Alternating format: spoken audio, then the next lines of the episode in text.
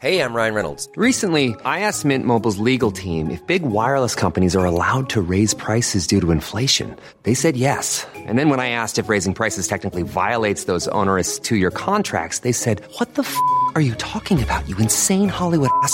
F- So to recap, we're cutting the price of Mint Unlimited from $30 a month to just $15 a month. Give it a try at mintmobile.com slash switch. $45 upfront for three months plus taxes and fees. Promo rate for new customers for limited time. Unlimited more than 40 gigabytes per month. Slows. Full terms at mintmobile.com.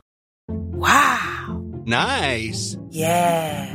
What you're hearing are the sounds of people everywhere putting on Bombas socks, underwear, and t-shirts made from absurdly soft materials that feel like plush clouds. Yeah, that plush.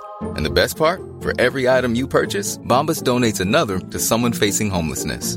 Bombas. Big comfort for everyone. Go to bombas.com slash ACAST and use code ACAST for 20% off your first purchase. That's bombas.com slash ACAST. Code ACAST. Hey Maarten. Hi, hey Kees. Hi. Hallo. Hey, ja, we zitten er weer klaar voor. We zitten Ehm, er klaar voor. Ja, dit is de aller, allerlaatste Maarten en Kees videogame show.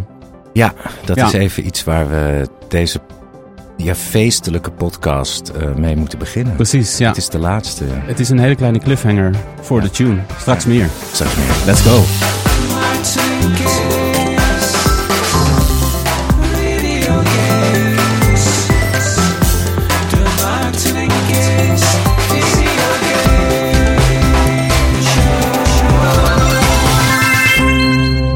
Ja, want eh, dit, dit, dit nieuws dit valt natuurlijk als een bom. Ja. Voor alle Ja. eh, trouwe luisteraars. Mensen, Dus- de lieve luisteraars zitten allemaal met kloppend hart nu eh, ja, bij Ja. het haardvuur. Maar het is echt zo. Ja, de laatste de Maarten en Kees videogame show. Ja. Ja, het is nu 17 december. We nemen vroeg op. Het was, ja, we zijn begonnen in mei. En eh, hoe lang gaan we dit nog volhouden? hè? Ja, de ja, doe het even uit de doek. We, gaan, we gaan de naam van onze pod- podcast veranderen. Precies. Dat is het. We, we gaan gewoon de naam van. We ja. gaan door, maar onder een andere naam. Ja, een, een iets kortere naam. Het blijft ook bijna dezelfde naam eigenlijk. Maar ja, we halen onze namen eruit. Dus het wordt de Videogame Podcast. Show, toch? Oh, sorry. podcast? Nee, nee, nee, nee, show. Ja, ja. Ja. We gaan door als de videogame show. We moeten nog Eh, even, allebei nog even wennen. Ja, Want, ja. eh, En waarom doen we dit? nou, omdat het gewoon de Maarten en Kees Videogame Show. Het is gewoon een enorme hoeveelheid woorden. Het zijn twee namen erin. Nou, ik ben sowieso al slecht in namen onthouden. Ik denk dat er ook best wat luisteraars zijn die dat zijn. Eh, die Ja, daar slecht in De zijn. Pim en Thijs videogame Ja. show? Of de Ja, wie zijn die jongens ook alweer? Archibald? eh, gewoon, ja, drie woorden. De Videogame ja, Show. dan zijn we gewoon makkelijker te vinden Ja, precies. online. Ja. Dat is het eigenlijk. Dat is het is het gewoon eigenlijk. marketingtechnisch. Het is catchier. Ja. Dat is het. Het is gewoon heel flauw, maar het is, dat is de reden. Ja. En jullie weten ondertussen allemaal dat ik Kees ben en dat Maarten eh, er ook Maarten is. is. Ja, precies. Ja. Eh, en verder verandert er eigenlijk niks. We houden hetzelfde Instagram-kanaal. We zitten gewoon nog steeds in je podcast-app op dezelfde plek. Ja. Eh, dat gaat gebeuren op 3 januari, want dan zijn we terug. Volgende week nemen we even een, een weekje vakantie van Yes. de podcast. Yes. En dan zijn we 3 januari weer terug met een nieuwe naam, maar met ongeveer dezelfde show. Perfect. Dat is het gewoon. Ja, dat is het. Dat is het. Dus er is niks aan Nee. het handje. Jullie hoeven niet bang te zijn. Lieve jongens en meisjes. Jullie kunnen weer rustig ademhalen. Ja. ja. Ja, want we zijn in, in mei dus begonnen. Ja, en het is nu, het is zo'n eindejaarsaflevering hè, die we gaan doen vandaag. Zeker. Ja, gezellig. We hebben al eh, chocomel. Ja, jij had eh, een, een blok chocola mee. Ja. Dat hebben we net opgeraspt Ja. en opgekookt samen met wat melk. En dat was heerlijk. Een goede tip. Je hoeft Ja. geen chocomel te kopen. Je koopt gewoon chocola en dat doe je in een pannetje met melk. Heb je heerlijke chocolademelk. Ja, en je drinkt het op en het leven is weer iets mooier geworden Precies. weer. De dag is, eh, schijnt weer iets, eh, iets mooier. In, de, in deze grijze periode is dat toch wel, Ja, is dat ja. toch wel fijn hè, voor, de, voor de mensen.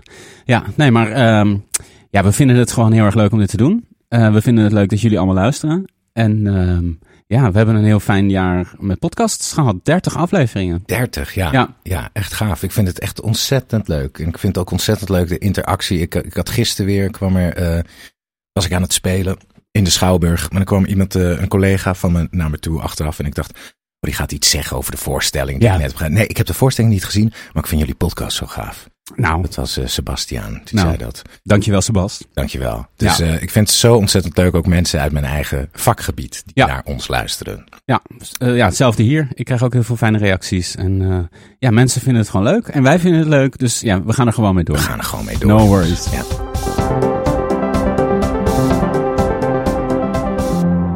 Eh, Maarten, heb je nog wat gespeeld? Ja, ik zit echt dus. ehm, heel diep in de Stanley Parable. Oh, de? Luxe Edition. Het is zo vet. Het is, eh, ik heb het dus net als jij. eh, ik had het een jaar geleden of zo gespeeld toen het net. Volgens mij komt. ehm, en ik ga hem gewoon meenemen in mijn eindjaarslijstje. Alhoewel, volgens mij komt hij uit 2022. Ja. En ik had hem toen zeg maar een uurtje gespeeld. Dan denk je, oh ja, vet, vet. Ja. Maar het wordt nog zoveel vetter hoe meer je het speelt. Ja. En zeker omdat het die deluxe edition is, zijn er dus allemaal. Ik denk dat het voor jou ook heel leuk is, omdat het ook heel erg gaat over een game opnieuw uitbrengen. Ja, precies. Dus ja. weet je wel van wat wordt gezien als, oh dat is een simpele cash grab. Ja. En, maar de game, de, de, de narrator geeft daar ook de hele tijd commentaar op. Ja. Dus op een gegeven moment gaat er zo'n, eh, elke, elke playthrough is anders. En elke playthrough duurt ongeveer een kwartier, twintig minuten. Mhm. Dus je kan heel, heel fijn even een potje doen. En dan gaat op een gegeven moment in dat enge kantoortje waar je zit, gaat er een, zo, een deurtje open. En dan staat er zo'n zo'n zo'n post-it nootje op met nieuw content. En dan ga je er zo in. En dan die narrator van, oh, je hebt de nieuwe content. Nou, dit hebben we allemaal gemaakt voor jullie. En dan krijg je een soort, krijg je, dan, ga je in een soort attractieparkbakje Mhm. zitten. En dan ga je zo rijden door zo'n ding. En dan zie je de geschiedenis van de game. En dat ze nu hebben besloten, omdat ze toch weer meer geld wilden verdienen, dat ze nieuwe eh, content hebben gemaakt. Ja. En dan uiteindelijk is aan het eind van dat ritje, kom je in een lift. En dat is het. En dan zegt die narrator ook, oké, oh, dit, oh, nou ja, je wilde toch nieuwe content? Nou, Ja. dit is de nieuwe content. Een lift. Veel plezier. En dan sta je een minuut in die lift. Ja. Dus het is constant een soort commentaar op games en op de gamesindustrie en wat het betekent om te gamen. Ja. Ehm, het zit vol met dat soort heerlijke momenten. Op een gegeven moment krijg je een, eh, sta je in een kamer met een eh, skip-knop. Zo'n perp met, met twee van die play-icoontjes naar elkaar. Hè, dat je Ja. kan skippen. En dan zegt de narrator ook, die had een heel verhaal. Maar zegt, maar je kan dit verhaal ook skippen voor mij als je wil. dan doe je dat. En dan, oh oké, dus het is niet interessant wat ik te vertellen. Oh ja. En dan komt hij in een heel monoloog. En dan denk je, oké, ik laat je nu uitpraten. Maar dan is je gewoon tien minuten aan No het praten. En dan denk je op een gegeven moment, nou, ik ga hem toch weer skippen. Dan skip je hem weer.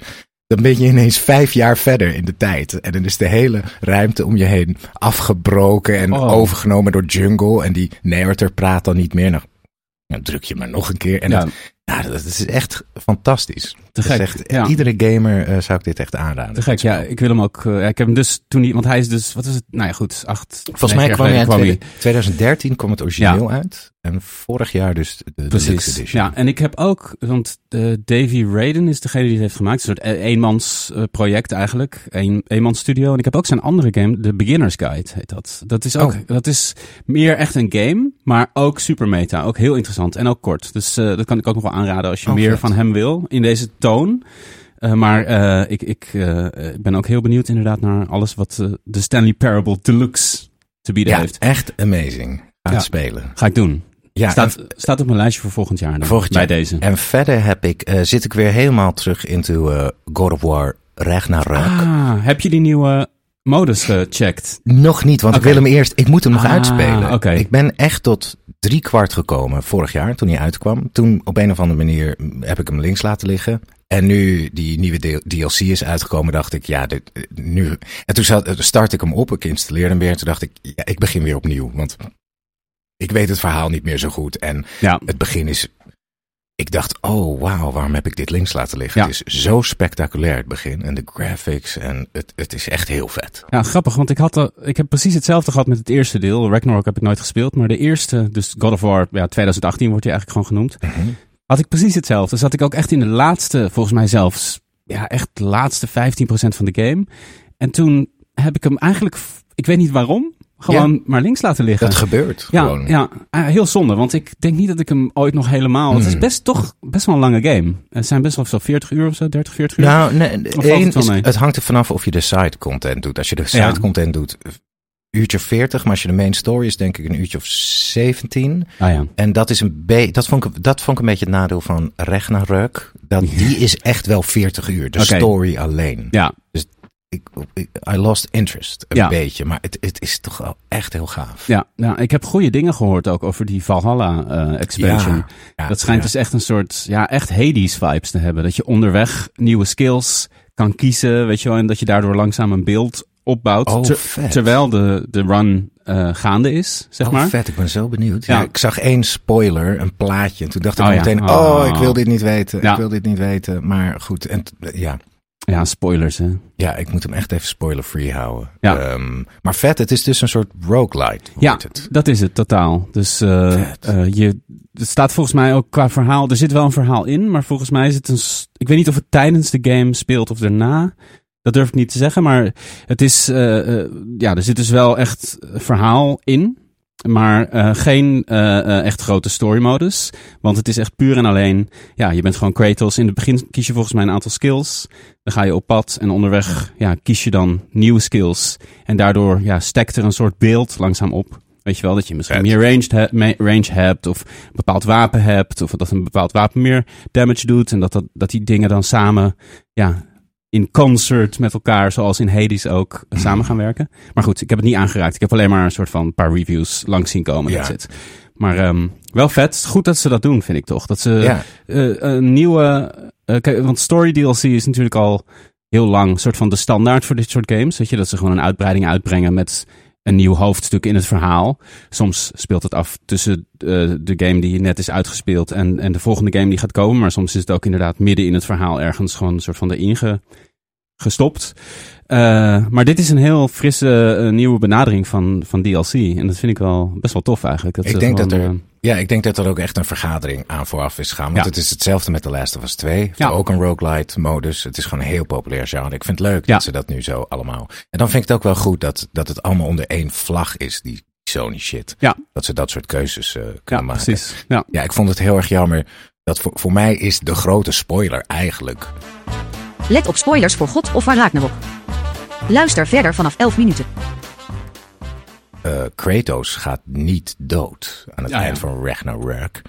Ehm, terwijl ik dat heel erg had verwacht. Ah ja. Ja, of misschien is het nou een soort Hades. Hij gaat, met- oh, misschien is hij wel dood en vecht hij een soort onderwe- naar de ja. onderwereld. Dat zou kunnen. Hoe spannend. Ik heb nog zoveel te gaan. En nu ben je weer, dus je bent weer van nul begonnen. Helemaal van nul begonnen. En eh, eh, denk je dat je nu wel gewoon helemaal Ja, er doorheen gaat? dat denk ik wel. Omdat ik die beloning, die vette vis van die DLC Precies. eh, aan het eind heb. Dus ik wil Ja. het nu ook echt complete. Ja.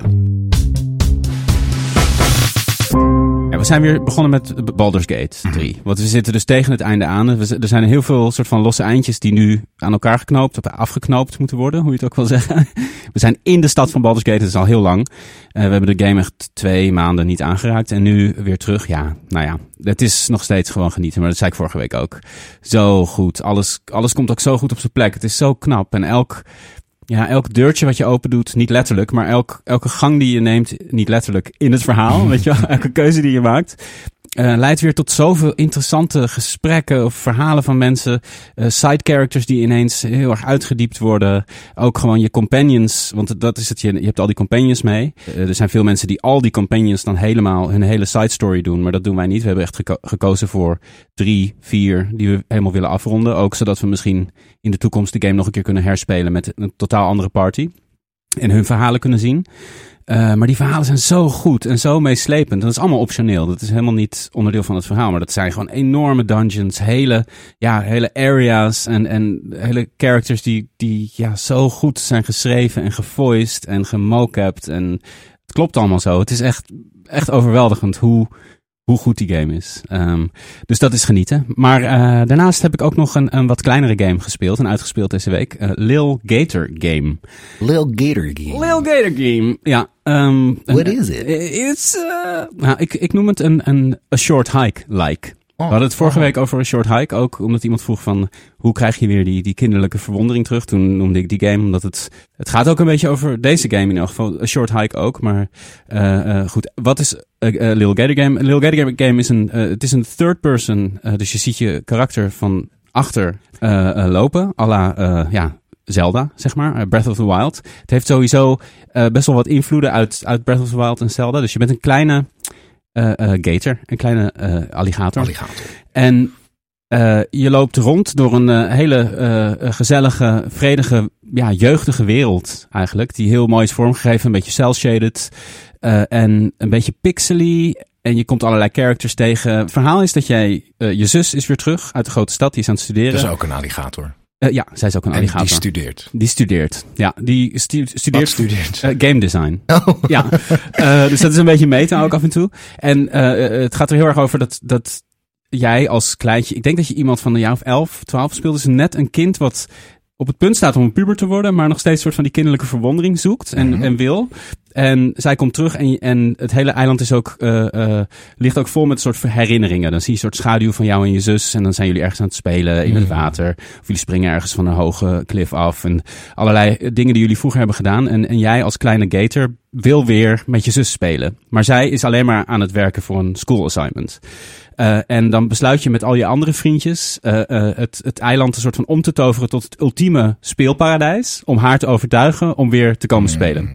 Dus het is heel zoet in dat opzicht. Maar het heeft ook een beetje tongue in cheek. En het, het, het neemt zichzelf niet te serieus op die, op die- in die manier. Het is niet heel erg van kijk eens hoe- wat een emotionele journey wij hier hebben ge- gepresenteerd. Het is eh, bijvoorbeeld de walk cycle van die gator is ook heel grappig. Hij waggelt echt een beetje. En, eh, ehm, en ondertussen, ja, je klimt een beetje op cliffs. En je, je komt mensen tegen en die hebben dan een probleem. Wat dan vaak het idee is van, jij bent de hero en je moet ze redden. Dus iemand is iets kwijt, dat moet je dan zoeken. Eh, en dan krijg je weer items. Je hebt, een, je hebt drie items die je kan gebruiken. Je hebt een soort van sliding schild. Net als in Zelda eigenlijk. Dus je drukt op I en dan maak je een salto en dan ga je glijden op je schild. Je hebt een eh eh, hangglider. Hmm. En je hebt een zwaardje. En die, eh, dat zijn allemaal, de- je kan allerlei verschillende versies van die zwaardjes, hanggliders en, eh, en schildjes vinden. door mensen te helpen. En ja, het heeft gewoon een hele mooie sfeer. In het begin dacht ik heel erg van, oh, dit is echt zo'n, ja, zo'n typische indie game. Weet je wel, met een soort van cutesy eh, benadering. En het gaat over dit. En weet je, ik was een beetje sceptisch, want ik heb daar soms een beetje moeite mee dat indie games altijd zo proberen iets te zeggen. Of Ja. soort weet je, de, Ja. maar eh, ik kwam er gewoon steeds meer in. En op het einde was ik echt geraakt. Terwijl het toch ook gewoon best wel een domme game is eigenlijk. Dus dat vond ik wel heel knap, hoe ze, dat, hoe ze die balans hebben gevonden. Eh, en ik moest ook echt heel erg denken aan mijn eigen jeugd of die tijd. Zeg maar dat je dan zo 11, 12 bent, misschien net het laatste jaar van de, van de, van de basisschool. Je voelt je al heel wat eigenlijk ook, weet je wel. Omdat je, ja, je bent de grootste van de school. Je gaat naar een nieuwe school. Je krijgt allemaal nieuwe spullen, weet je. Je, begint, Ja. puberteit begint een beetje. Ja, kaftpapier kopen. ja. Dat vond ik een heel... Mijlpaal. Een mijlpaal. Ja. Ja. Wat voor kaftpapier. Ja, ja, en dat je dan zo, precies ja. Eh, en ik weet nog goed dat ik, eh, wij deden altijd Sint Maarten Mhm. eh, in de buurt. Dus langs de, langs de deuren en dan liedjes zingen en dan snoep verzamelen. En het laatste jaar dat ik dat deed was met mijn goede vriend Jaap. Jaap woont bij mij in de buurt en zat bij mij in de klas. Eh, en eh, wij zaten heel erg zo op de wip van, zullen we het nog doen? Zijn we te oud? Eigenlijk waren we te oud. Maar we hadden ook zoiets van, nou ja, het kan nog wel. Want we zijn nog elf, weet je, we zijn nog kinderen. En we wilden ook heel graag die lampion maken. We hebben een heel lelijke lampion van een soort blik, blikje cola gemaakt. Wat mijn ouders nog steeds in de kast hebben staan. Een wit ges- geschilderd blikje cola. En ik weet nog heel goed dat we dat toen, het regende heel erg. En we gingen de buurt door. En ehm, op een gegeven moment hadden we ook in plaats van Sint Sint Maarten gingen we zingen ons, ons blikje is uitgeregend. Want het kaarsje wat erin zat was uitgeregend omdat het zo regende. En ik weet nog heel goed dat we ergens aanbelden en iemand deed open en wij zongen dat liedje. En die vrouw die zei, ja sorry, jullie krijgen geen snoep, jullie zijn echt te oud. Dit is, jullie, dit is een feest voor kinderen en jullie zijn gewoon tieners en jullie komen hier gewoon alleen maar om snoep te halen. En jullie zingen niet eens echt goed. En, eh, en dat kwam zo hard aan, omdat ik gewoon dacht, ja, eh, oké, dit was het dan.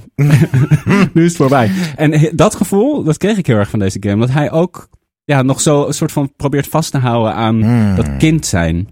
Eh, dus dat was mooi. Dus en, en het is een korte game, was drie, vier uurtjes. Technisch gewoon, zit hij goed in elkaar. Dat vond ik ook wel, dat vind ik dan wel belangrijk bij zo'n soort game. Dat je niet denkt, oh, het, het, het flubbert een beetje. Het was gewoon, alles werkte en de muziek was heel aangenaam en, en vrolijk. Een beetje MIDI-achtig, weet je wel. Een beetje opzettelijk knullig. Ja, mooie, mooie game. En waar zie je op te spelen? Hij is uitgekomen op eh, PC, Switch, PlayStation 4, 5, Xbox One. Alle, alle platforms. Heerlijk. Ja, Heerlijk. Niet op Game Pass. niet op Game Pass. Nee. Klinkt echt als Sorry. een heerlijke Ja. Game Pass game. Absoluut, Ja. dat zou moeten. En laat je niet afschrikken door, het, door de art, want het ziet er een beetje mobile game-achtig uit. Mhm. Maar eh, er, er, ziet, er zit stiekem echt een hele mooie, eh, eh, ja, met veel hard gemaakte game Mm. achter. Dus, Vet. Ja. Ik heb nog wel een leuke Sint Maarten eh, anekdote die me hier heel erg aan doet denken. Ik, was, ik had hetzelfde. Ik was denk ik, nee, ik was denk ik nog wat ouder. Ik was denk ik wel dertien al. En ehm, ik, zat, ik, ik heb mijn hele jeugd op zangkoren gezeten, op jeugdkoren en jongenskoren, al- allerlei dingen. Mhm. En ik ging toen met eh, een groepje van vijf we zaten allemaal op hetzelfde koor. Dachten we, we gaan Sint Maarten doen. Maar we gingen dan dus de deuren af. We waren te oud. Maar echt met een heel hardcore Tsjechisch volkslied. Echt een vijfstemmig. Dus die mensen deden open. En dan wij zo vijfstemmig. En die mensen dachten, wat de Die werden gewoon weggeblazen. Ja, echt. Het was echt gewoon een heftig concert. Ja. Maar ook een heel echt, weet je, die opening van, eh, is dat Akira? Nee, Ghost in the Shell. Oh ja. Weet je, zo'n soort met veel dissonanten Ja. en onbegrijpelijke taal. Echt alsof er een soort duivelsuitdrijving eh, aan de hand was. Dus toen, eh, ja, toen hebben we wel veel snoep opgehaald. Ja, ja, dat deed jij dan toch beter. Gewoon performen. In Gewoon plaats van... keihard. Ja, ja, ja. ja, Maar wel, eh lampionnen game was wel laag hoor. Dat, Ja. dat hadden twee nog een oude lampion en de rest gewoon de fietslichtjes of zo. ja. Maar eh, ja, dat, eh, toen zijn we eh, flink aangekomen. Ja, dat begrijp ik. Ja, Ja. ja. ja. nee, dat is Sint Maarten. Ja, het is toch een soort, een soort eikpunt voor veel mensen, denk ik. Sint Maarten, ja. Het is een, eh, ik dacht ook vroeger altijd, ehm, ik vond het een beetje een raar feest. Want weet je, voor de mensen die, ja, iedereen weet toch Sint Ja. Maarten. Het wordt niet overal in Nederland gevierd, hè, volgens mij. Maar hè, dan ga je snoep halen. En het verhaal is, Sint Maarten is een of andere edelman Oh, of een graaf. En die komt dan een zwerver tegen. eh, en het is koud. En die snijdt dan met zijn zwaard zijn mantel doormidden. Ja, En dan geeft hij de helft aan de zwerver. Maar ik dacht vroeger altijd, geef gewoon die hele mantel. geef die fucking mantel gewoon. je, je bent een graaf. Ja, Geef die mantel. Ja. Nu heeft hij een kapotte mantel. mantel. En heb je zelf ook een kapotte mantel. vond ik ook altijd heel raar. Vond ik een Ja. raar verhaal. Maar naarmate ik ouder werd, dat is dan de volwassenwording, dacht ik, nee, eigenlijk vind ik het een heel mooi verhaal. Want volgens mij is de boodschap eigenlijk, het maakt niet uit of je rijk bent of arm of wat dan ook, deel. Ja. Dus als je alles, de, want anders moet je gaan afvragen, ja, ben ik rijk genoeg? Om dan, wa- waar zit dan die Ja. graadmeter? Dus terwijl als je dat allemaal overboord flikkert, of je nou rijk of arm of bla bla bla bent, deel gewoon alles wat je Ja. hebt. Dus ik, ik vind het toch wel mooi van. Toch mooi, ja, Ja. nee, zeker. Zullen we even de brievenbus induiken? Ja, we gaan even de brievenbus in. We hebben een paar kerstbrieven gekregen. Casper, lees jij Casper voor? Ik, ik lees Casper voor. Casper zegt het volgende. Ik zet er wel een mooi, eh, op jou aangeven, een mooi Shenmue kerstmuziekje Mooi onder. Shenmue kerstmuziekje. Hoi Maarten en Kees. Allereerst wil ik zeggen dat ik elke week ontzettend geniet van jullie podcast. Ik luister het elke woensdag weer op weg naar werk. Mijn mooiste gamewinterherinnering is van ongeveer 15 jaar geleden. Vlak voor kerst hebben we toen 30 kilometer door de sneeuw gefietst om een Wii met Mario Kart te kopen, want hij was overal helemaal uitverkocht. Ik kan me nog goed herinneren dat mijn tenen bevroren voelden toen we thuis kwamen. Daarna hebben we de hele kerstvakantie Mario Kart Wii gespeeld, wat nu nog steeds mijn favoriete Mario Kart is. Fijne feestdagen. Ach, Casper, ja, Ja. Dat, dat, dat delen we, want ik heb dan wel niet met bevroren tenen hem eh, gekocht, maar Mario Kart Wii vind ik nog steeds de beste Mario Kart. Heb jij dat ook? Ehm, nee, maar dat is niet omdat ik hem... Ja, weet ik niet. Nee, Jij hebt Mario Kart. DS, volgens ja, mij, die je de DS beste is mijn favoriet. Die is ook heel ik denk goed. Ook, ik Ja. denk ook dat het misschien de Mario Kart is die je het meest hebt gespeeld. Of dit soort herinneringen aan. Mhm. En ik denk dat ik dat mij bij DS meer heb. Toen ik altijd in Tilburg, naar Tilburg moest met de trein. Ja. En echt zo van, zo'n, eh, ja, die warmte van die game. In die eenzame treinritten mij heel erg eh, ja, bijstond, zeg maar. Maar ja, wie? Ja, dat is natuurlijk ook een hele mooie. Die is zo goed. Want Ja. die was nog het, het laatste een beetje hardcore. Want je kan altijd kiezen tussen automatic en manual. Oh ja. En daar was een manual, dat, leef, dat, dat leverde die echt heel veel voordeel op. Ja. En dat moet ook. Terwijl in de nieuwe versie, de laatste versie, maakt het eigenlijk niet uit wat je kiest. Nee. Doet er niet zoveel toe. Ja, dat is waar. Ehm, en sowieso trouwens de Wii vind ik wel het ultieme kerstgevoel geven als console. Weet je, omdat de hele familie was geïnteresseerd in de Wii. Ook Ja. oma. Ja, die wou ook lekker- wel eh, Wii Golf of Wii Sports, weet je wel. Ja, Eh, dus dat, de Wii is wel echt de kerstconsole, denk ik. totaal. Ja. Ja, totally. Totally. Eh, dat was het een beetje qua kerst, maar we hebben nog wel een leuke brief van Björn. Ja, Ehm Björn schrijft: Beste Maarten en Kees, ik geniet erg van jullie podcasts. Vooral de afleveringen over jullie leven en welke videogames een belangrijke rol hierin speelden, waren erg leuk. In verband met een groot gezin met zeven kinderen. holy fuck. Wauw, zeven kinderen. Kom ik zelf helaas niet zoveel aan gamen of films slash series kijken toe. Maar door naar jullie te luisteren voelt het soms toch alsof ik aan het gamen ben. Daarnaast game ik soms met enkele van de kinderen en dat is wel erg leuk altijd. De verslaving en geweldige gameplay van Slay the Spire is trouwens ook enorm herkenbaar voor mij. Eh, deze heb ik vele uren gespeeld in het ziekenhuis tijdens het wachten op de geboorte van meerdere kinderen. Björn, Björn, hij komt nu. Wacht, wacht. wacht, Even wacht. mijn run afmaken. Ik zit in de run, jongens. Ja. Eh, nu speel ik ook nog af en toe tussendoor Marvel Snap als fan van Marvel superhelden. Verder luister ik jullie podcast tijdens allerlei activiteiten in het huishouden, zoals het opruimen, stofzuigen, dweilen, verschonen van de bedden, inruimen slash uitruimen van het vaatwasser, etc. Bedankt voor de leuke podcasts tot nu toe. Ik hoop dat er nog veel zullen volgen. Groetjes, Björn. Wauw. Zeven kinderen. Ja. Ja, ja dan kan heb je je- geen tijd. Nee, dan wordt het echt wel pittig. Ja. Ja, ik heb er één, dat vind ik soms wel pittig. Ja. Ja. Zeven. Mijn Björn, god. Respect. Ja, echt respect. Ja.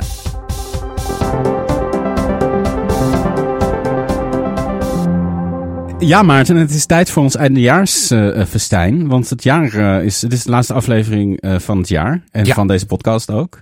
Eh, dus ehm, zullen we een beetje in de, in de GOTY-sferen Dat gaan we doen. Ja, zullen we beginnen met gewoon onze Game of the Year?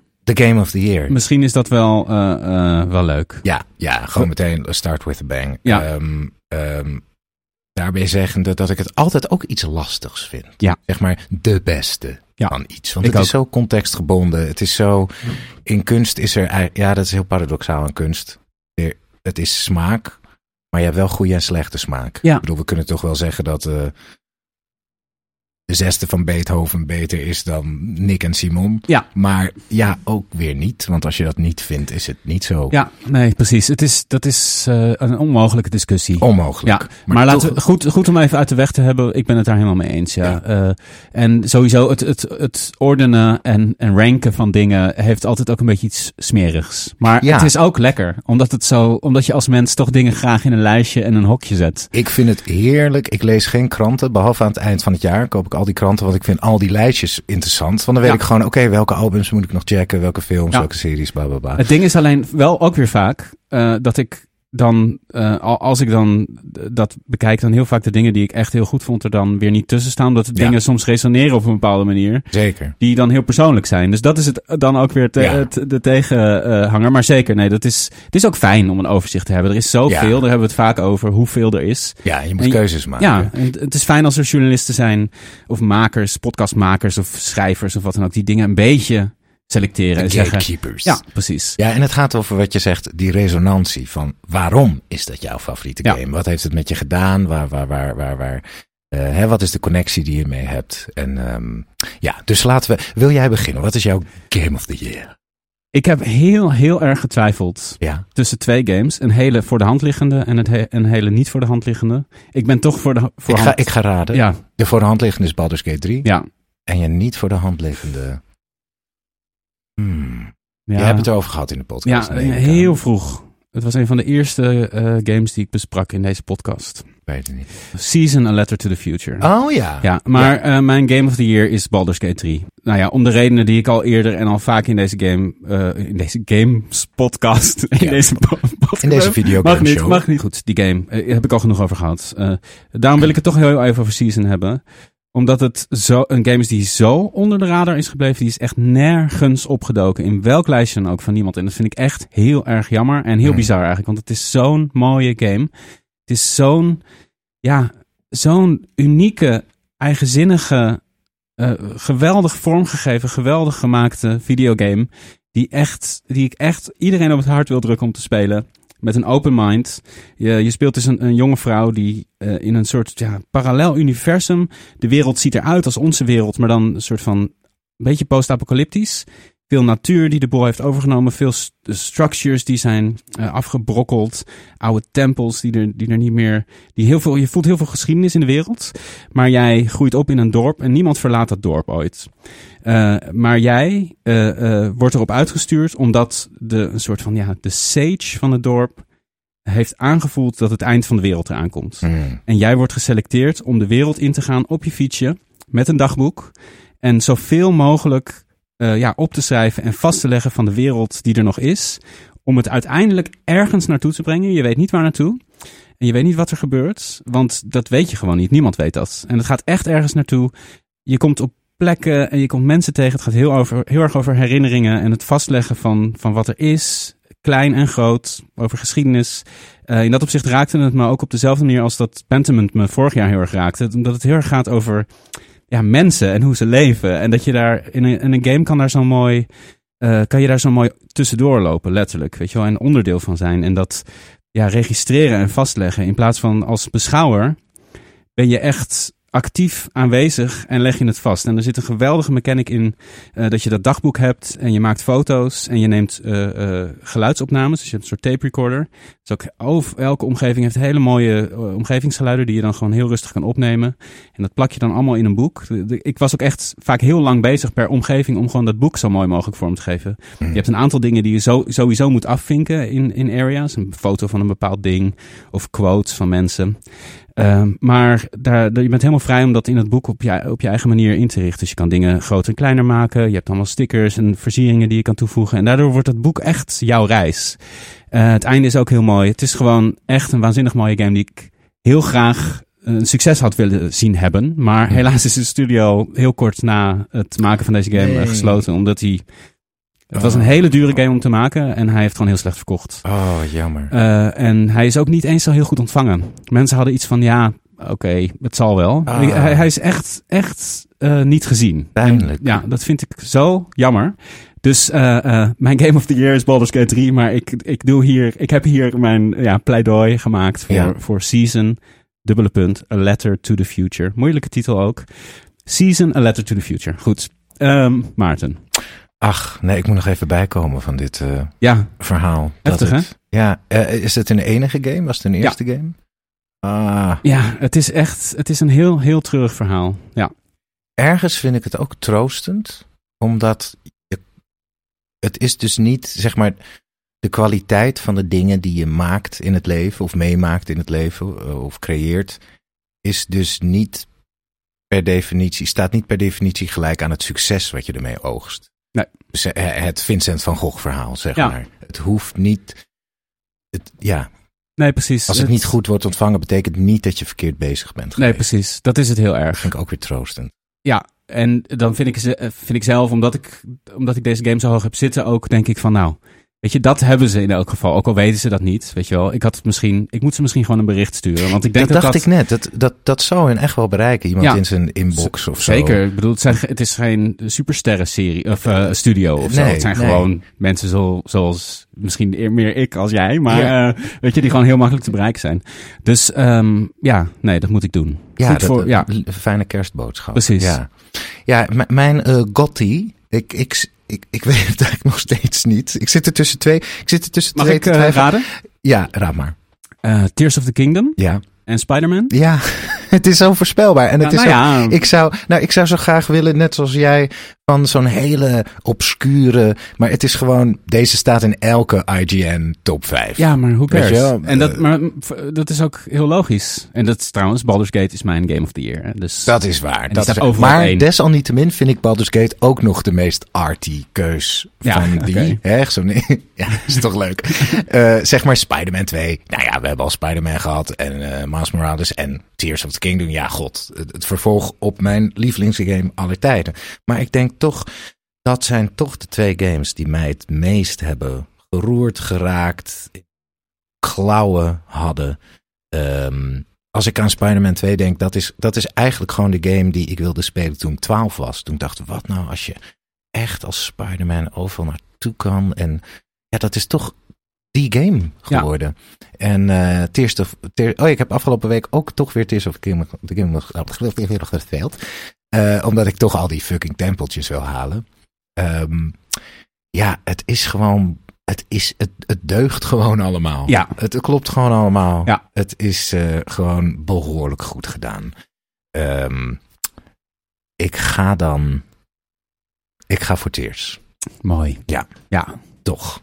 mooie keuze. Toch Ja. voor Tears. Ik denk ook dat Tears of the Kingdom eh, in een ander jaar met een andere, met andere competitie zoveel meer erkenning had gekregen, weet je wel. Daarom vond ik het ook zo treurig van die Game Awards dat Aonuma daar stond en afgekapt werd met zijn telefoon. Het had iets, die game die verdient zoveel praise ook, omdat hij zo, Ja. hij is op een technisch vlak, op die oude Switch, het is on, Ja, het is ongelooflijk. ongelooflijk. Wat zij hebben gemaakt is sowieso al, eh, weet je wel, eh, op een supercomputer zou dit al knap zijn. Ja. Maar op de Switch, ik, het is echt, wat, ook toen die uitkwam, game devs totaal ja, flabbergasted. Van hoe kan dit? Hoe hebben ze dit gedaan? Ja. En dan is het ondertussen ook nog een beeldschone, prachtige game met, met zoveel liefde en gevoel erin. Niet alleen maar een technisch showpiece. Dat is een soort bijzaak bijna. Het is gewoon een prachtige Zelda-game. Dus ja, Tears of the Kingdom verdient ook Ja. echt alle praise. En het is ook zo met, weet je, als je een lijstje maakt of als je journalist bent, daar, wij zijn niet echt journalisten, maar nou ja, goed, we maken een podcast over games. Ja. Journalisten hebben natuurlijk ook de neiging om eh, hun eigen artistieke stempel op een keuze te drukken. Dus het is natuurlijk best wel hip om te zeggen, nee, maar Tears of the Kingdom doen want dat, dat hebben we al wel gezien. Ja. Net zoals dat, weet ik veel, een acteur wordt genomineerd voor een Oscar voor een rol. Ja, die heeft hij misschien tien jaar geleden ook zo'n soort rol. Maar het is gewoon fucking goed. Ja. En dan wil je toch, als journalisten willen dan toch een soort gatekeepers zijn. En de interessantere keuze te maken. ja. Maar dat is eigenlijk heel ijdel. Zeker, ja. En je bent ook op zoek naar een soort van verandering of iets nieuws. Ja, dat Het is grappig. belangrijk. Ja. Ja, maar dat is ook niet altijd goed. Het is grappig, want ik heb van de week, toen ik ziek was, ging ik die documentaire over Michael Jordan kijken, The Last Dance. Ja. Eh, op Netflix, weet niet of je die hebt gezien. En, nee, Hele vette documentaire. Ik ben helemaal geen basketballiefhebber per se. Eh, ik ben natuurlijk wel opgegroeid in de tijd dat hij zo groot was. Dus, ja. en die beelden zijn waanzinnig. Want ze hebben echt gewoon... Ze hebben de Chicago Bulls, waar hij voor speelde, in hun laatste jaar gevolgd. Eh, en dat materiaal is gewoon vanuit de kleedkamer. is Super HD. Gewoon de jaren negentig op zijn ja, scherpst en mooist kunnen zien. Dus echt heel, sowieso in dat opzicht al een hele, eh, hele interessante. Deze had ik ook staan trouwens voor als aanrader voor film van het jaar of serie van het jaar. Dus daar rollen we dan even in. Maar eh, daar is het ook heel erg zo dat hij komt natuurlijk op en hij is waanzinnig. Hij neemt alles over. En dat blijft hij maar doen. En ze winnen gewoon vijf, zes keer achter elkaar. En Ja. ze zijn, de pers is alleen maar eigenlijk aan het proberen om hem, om, om Oh. hem, nou ja, niet kapot te maken. Maar elke steek die hij laat vallen, ook al hoe klein Ja. die ook is, wordt meteen Ja. heel erg uitvergroot. En dat is heel erg eigen aan, aan de pers ook, om Ja. toch op zoek te gaan naar een soort van, ja, makken. Weet je wel? En dat is niet dat dat zoiets gebeurt met Tears of the Kingdom, maar dat voel je wel een beetje dat, dat het een beetje is van, oh ja, weet je, dat zij hebben natuurlijk weer zo'n goede game gemaakt. Weet je, en dat er niet ja, die er zit afgunst totale- in. Ja, ja, Eh, dat is Eh, toch heel menselijk, die afgunst. Dat ja. is heel raar, want we hebben ze nodig. Die, weet je, die, Michael Jordan, dat soort mensen zijn... Dat is één op de miljoen mensen. Ja. Die zijn uit... De, ja, wat... Dat, dat is, ik vind het ook heel leuk dat wij daar met onze wetenschap en zo... We zijn daar nog niet achter. nee. Wat het betekent, die, die iemand als... Nou ja, bijvoorbeeld in de acteerwereld een Pierre Bokma of zo. Ja. Mensen die... Ja, er komt iets, iets universeels bij elkaar bij zo iemand. Allerlei dingen, hele grote talenten die, die gewoon een genre vooruitbrengen. Het Ja. basketbal vooruitbrengen. Ja. Je hebt nu ook die docu over eh, David Beckham. Oh ja. En dan zie je ook dat iedereen hem dus kapot wil maken. Ja. Om één klein dingetje. En eh, ja, dat is fascinerend. Zeker, ja. Fascinerend is Ja. dat. ja. Ehm, goed. Tears of the Kingdom en, en, Beers, eh, en Gate zijn onze... Birders Gate. Ehm, Dat zullen zijn we, ze. Zullen we nog even wat grappige categorieën doen? Ja. Eh, ik had, of jij had een leuk lijstje gemaakt. Ik had, even, ik had een eh, lijstje met... ehm, grootste verrassing.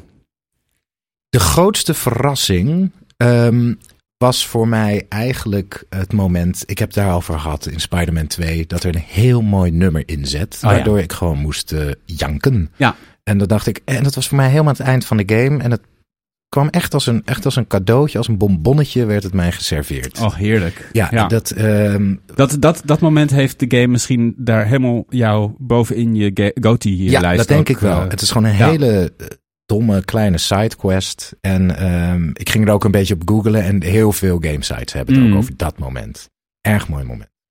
Eh, Ik heb, eh, ik heb een game eh, gekozen, een hele game. Hi-Fi Rush. Hi-Fi Rush Ja. kwam uit op 25 januari. Helemaal in het begin van het jaar. Ontwikkelaar Tango Gameworks. Het is ook de maker van Evil Within. Eigenlijk een horrorachtige studio. die Shinji dus- Mikami. Ja, precies. Ja, ook, ook Resident, de Ja. grote man achter Re- Resident Evil 4. Precies. Ehm, die ehm, Shadow dropte ineens deze game. En dit is een ja, door Jet Set Radio geïnfluencede eh, rhythm action game. Je bent een dude en je hebt een gitaar als zwaard. En alles in de levels beweegt op de maat. Hele toffe, ja, cartoony artstyle. Eh die game, en sowieso dat het een shadow drop was. eh, ze hebben later ook gezegd dat ze misschien meer succes hadden gehad als ze dat niet hadden gehad. Dat er gewoon, want ze hebben zes jaar aan die game gewerkt. Oh. En nul promotie gedaan eigenlijk. Of Ja. nul promotie. Hij was er gewoon ineens. Hij is heel goed ontvangen.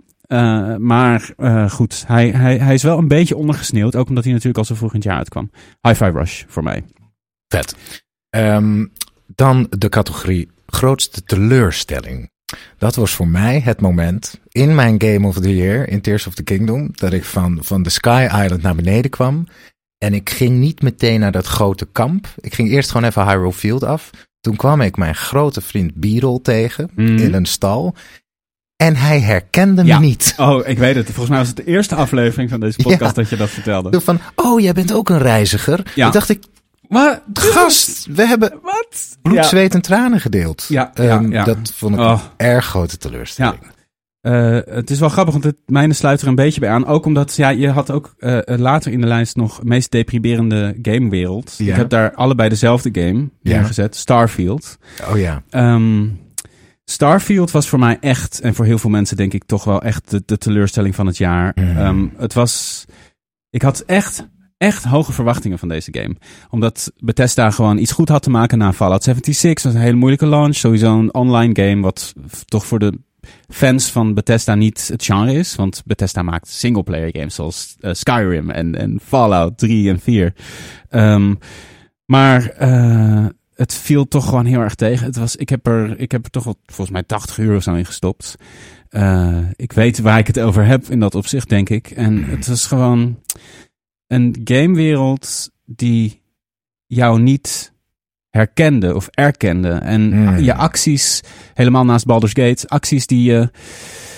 eh, die, die effect moeten hebben, dat niet hebben en dan iets kleins wat je doet ineens heel veel effect. Een soort van rare, random situatie. En, en dat hoort ook bij de games en dat is ook vaak het excuus van het is een Bethesda game. Ze zijn buggy en ze zijn raar, maar er zat niet genoeg hart en ziel en, en focus achter om, eh, om die game toch interessant te houden. Dus ik vond het echt heel, heel jammer dat Starfield zo tegenviel. Het was echt, echt een beetje treurig. Ja. Ja.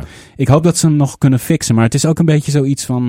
Het is zoveel om te fixen. Het is zo de basis van de game. Weet Ja. je wel? Gewoon de, de core. eh, de, de, de fundamenten zijn gewoon niet in orde.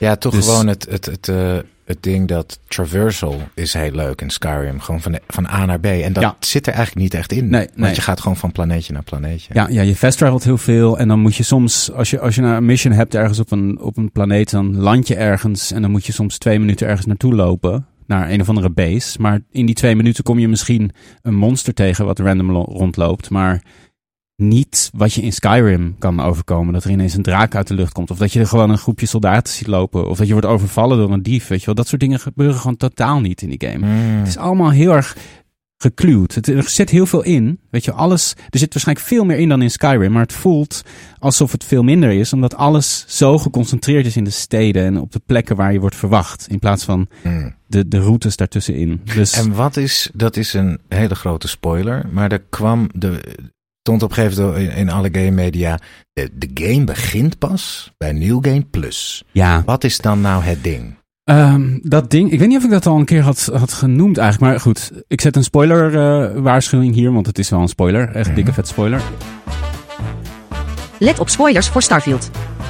Luister verder vanaf 45 minuten. De game begint weer opnieuw. Mhm. Maar jouw character heeft alle kennis die hij heeft opgedaan in de game. Dus je, het gaat heel erg eh, in Starfield erom dat je artifacts zoekt. En die bij elkaar brengt. Naar jouw clubje Constellation, een soort clubje onderzoekers. En zij komen die artefacts op het spoor. En jij wordt erop uitgestuurd. Je hebt een soort speciale connectie tot die artifacts. Dat blijkt dus te zijn, de hiermee met het einde te maken hebben. Want jij op het einde kiest, kan ervoor kiezen om door een soort portal te stappen. Blijft jouw character, houdt al zijn herinneringen. Maar de wereld wordt een soort van gereset. En, en het, eh, de, de verklaring is dat het een parallelle werkelijkheid is. Mm. Dus eh, het is een soort meta ding. Dat, je, dat er zijn eindeloos veel variaties van de werkelijkheid. En die jij net hebt gespeeld, dat is er maar één. Maar nu kan je in een andere. En je kan dus, en dat is dus wel heel grappig. Kan dus gewoon naar Constellation lopen en zeggen. jullie zijn onder- onderzoek aan het doen naar deze artefacts. Ik weet precies wat er aan de hand is. Want ik heb ze allemaal al verzameld in een, mijn vorige leven. Dus Oh. daardoor kan je het hele verhaal een soort van op zijn kop zetten. Dus je hebt nieuwe dialogue options en Ja, zo. heel veel nieuwe dialogue log options. En, en er zijn ook allerlei variaties. Ik heb dus, ik ben dus niet, ik heb niet een hele New Game Plus gespeeld. Maar er zijn mensen die 20 New Game Plus hebben gespeeld. En dat in sommige universums ineens iedereen een kind is. Van Constellation bijvoorbeeld. Oh, Of dat, is er helemaal niemand vet. is. Ja. Of dat iedereen, een, ik weet niet, allemaal van dat soort rare variaties. Dus dat is eigenlijk heel vet. Maar heel vet. Maar dan moet je wel Dus 20 New Game dat is het. En ondertussen is er daarnaast in de sidequests en zo, is er volgens mij bijna geen variatie. Misschien af en Ja, toe hier ja. en daar kan je, kan je een, een Starborn, want dat ben je dan, zo word je dan genoemd, omdat je een soort van ja, ge, geëleveerd bent naar een nieuw, nieuwe vorm van meta-human. kennis. Ja. Dus je bent nu Starborn. Eh, de Starborn zit in jou de hele... de- Leuk, in Skyrim was je Dragonborn, Ja. toch? ja, dus daar zit inderdaad een. die, die, die link had ik nooit gelegd, maar dat is helemaal waar. Ja, dus dat was het voor de spoilers. eh, ehm. Ja. Dus dat is het idee. Klinkt wel heel ambitieus, ja. Ja, ja. Maar, ja, na wel 80 800 uur. uur ja, en why? Weet Ja, je? ja. Want de game zelf biedt gewoon niet genoeg Nee, om, om dat te, van je te eisen. ik ga hem nooit spelen. Nee. Na dit verhaal. Nee, Hij stond ik. nog een beetje op mijn backlog, maar Ja, Nee, nee, is afgevallen. Ja, nee, ik Ja. zou het ook niet doen. Als je Ja. zin hebt in zo'n game, speel gewoon Skyrim weer. Of Fallout. Voor alle Fallouts zijn vet. Ja. Eh, beste soundtrack. ja, beste soundtrack is voor mij puur op één ding gebaseerd. Ehm, ik heb dus Baldur's Gate 3 maar de eerste twee uur gespeeld. Maar die eerste twee uur heb ik echt vier keer gespeeld. Oh ja. Want ik maakte steeds weer neer, want we wilde ik wachten. Want ik was een co-op game begonnen met mijn vriendin. En dat, nou, de- de- konden we niet spelen. Toen ging ik gewoon in mijn eentje met nieuwe characters. Dus ik heb ontzettend veel tijd in de character creator Oh ja. gespendeerd. en dan dat down, down, down by the river. Dat heb Ja. ik zo vaak gehoord. Ja. En het is een heel zalvend... Kijk, het is niet heel ik- Het is een beetje wat je verwacht bij die Lord of the Rings setting. Zeker. vrij... Maar dat is gewoon Typisch heel tof. fantasy thema. Ja, echt een fan- En het zit ook door de hele game. Ja, nog. dat themaatje. Ja, dat je komt het overal tegen. Ja. Ja, dus ik, dat, dat is er gewoon ingeslopen. Dus dat is, dat is voor mij de soundtrack van Ja, vet. Ja, ik ga voor Octo- Octopath Traveler 2. Die soundtrack is echt eh, fenomenaal. Die gaat alle kanten op. Heel groots, orkestraal. Heel veel fluitjes, heel veel strijkers. Heel veel mooie melodieën. Heeft ook echt zo'n beetje, ja, die Japanse benadering van, eh, ja, dat gevoel. Ik weet niet wat het is. Ik kan het moeilijk omschrijven. Maar als je van Japanse muziek houdt of Japanse eh, eh, composities, dan herken je dat wel, dat gevoel. Ehm, sowieso echt een Mm. waanzinnige game, Octopath Traveler 2. Eh, soundtrack is wat mij betreft de beste van dit jaar. Vet. Ehm, beste game die je niemand aanraadt. Ehm, ja, dan ga ik gewoon voor Slay the Spire. Want dat heeft gewoon mijn leven vernietigd. Dus eh Oké. Slay the Spire. Makkelijk. Maar Ja. ik raad hem ook weer wel. Er zijn heel veel mensen volgens mij die hem zijn gaan, gaan spelen door ja, al deze ik heb echt eh, ja, game-heroïne de wereld ingestuurd. Ja. Ja. Eh, ik heb eh eh Xenoblade Chronicles 3 staan. Eh, een, een, die Mm. Japanse super Mhm. mega eh, RPG. Had je in de eerste aflevering over. ja, Ja, eh, het gewoon te omvangrijk Ja, is. het is te omvangrijk. Het is te anime. Het is te raar. Ja. Je moet het alleen spelen als je weet van ik trek dit. Want er, er- Ja. je moet echt wel een soort van bepaalde hoge tolerantie hebben. Ja. Dan zit er heel veel in. En het is ook een waanzinnige open world game waar je echt, je Ja. echt in kan verliezen. Eh, heel interessant combat system. Heel veel characters die als je voorbij de anime ja, eh, eh, vibe kijkt, want dat is natuurlijk altijd heel plat en heel erg tropey, dan zit er echt heel veel hart in ook. Maar nee, niet doen. Behalve als je het echt wil en als je dit begrijpt. Ja, en als je deel 1 en 2 heel vet. Ook als je dat. die al hebt ja, gespeeld. Ja, zeker. Ehm, even Beste graphics. Beste Dus, eh, graphics. Ja, dat is voor mij Spider-Man 2. gewoon- ah ja. Ja, ik heb Dead Space, de remake. Oh ja, nice. Die zag er zo goed uit. Ja, Echt waanzinnig. vet. Gezelligste gamewereld. Ehm, ja, Tears of the Kingdom. Dat Ja. is zo liefelijk en leuk en Ja. gezellig daar. Ja, is ook heerlijk. Die had ik ook bijna gedaan, maar toen dacht ik toch Lil Gator Game, waar ik het net over had. Ja. Vond ik ook zo gezellig. Dat klinkt ook echt gezellig. Ja. Alligator zus die game design studeert. Precies. Eh, dan hebben we nog, even kijken. De meest deprimerende gamewereld is voor mij Resident Evil 4 Oh ja. Remake. Ja. Daar wil je echt niet, daar wil je echt nooit zijn. Nooit zijn. Nee, nee. Nou, ik had dus Starfield. Om de reden Ja. dat je gewoon, je voelt je niet gezien. Je bent eenzaam daar. Ja, Ja, en daardoor deprimerend. Dus niet eens Ja. dat de wereld zelf, ik bedoel, er zit best hoop in die wereld. In tegenstelling tot Resident Evil 4, want dat is echt de hel. Ja. Maar het feit dat je zo eh, geen connectie voelt, weet je wel, daardoor deprimerend. Ik Eenzaam. voelde dat ook al, al wel als je in, de, in het begin, de eerste keer dat ik in dat ruimteschipje zat. En dat je zo planeten om je heen ziet. En dat je weet, ik kan daar niet heen. Dit is een plaatje van een. Dit is bijna een soort existentiële Ja. nachtmerrie. Ik Dat zoek je een, in limbo zit. dat je, ja, precies. Ja. Wacht even, ik wil heel graag een quote even zoeken. Die Ja. heb ik ergens opgeschreven. En die sluit hier erg bij aan. En die wou ik net ook al... Even kijken hoor, wacht even. Ik heb het gevonden. Ehm, dat was in de, in de Half-Life 25th Anniversary documentary. Die ik sowieso aanraad. Dus dat duurt Oh ja. een half uurtje, drie kwartier. Mhm. Eh, en Gabe Newell, de grote man van Valve, die eh, aan het hoofd stond van het maken van games als nou ja, Portal, Half-Life, echt hele belangrijke games. Eh, die zei iets heel treffends, vond ik. Die zei: ehm, I'm getting a narcissistic injury when the world is ignoring me. Dus the game world is Hmm. ignoring me. Een narcissist, narcistische eh, eh, klap. Ja, Eh, omdat je, je denkt dat je er bent. Ja. En dan ontkent de game jouw acties. En daarom probeert hij, heeft hij ook altijd geprobeerd.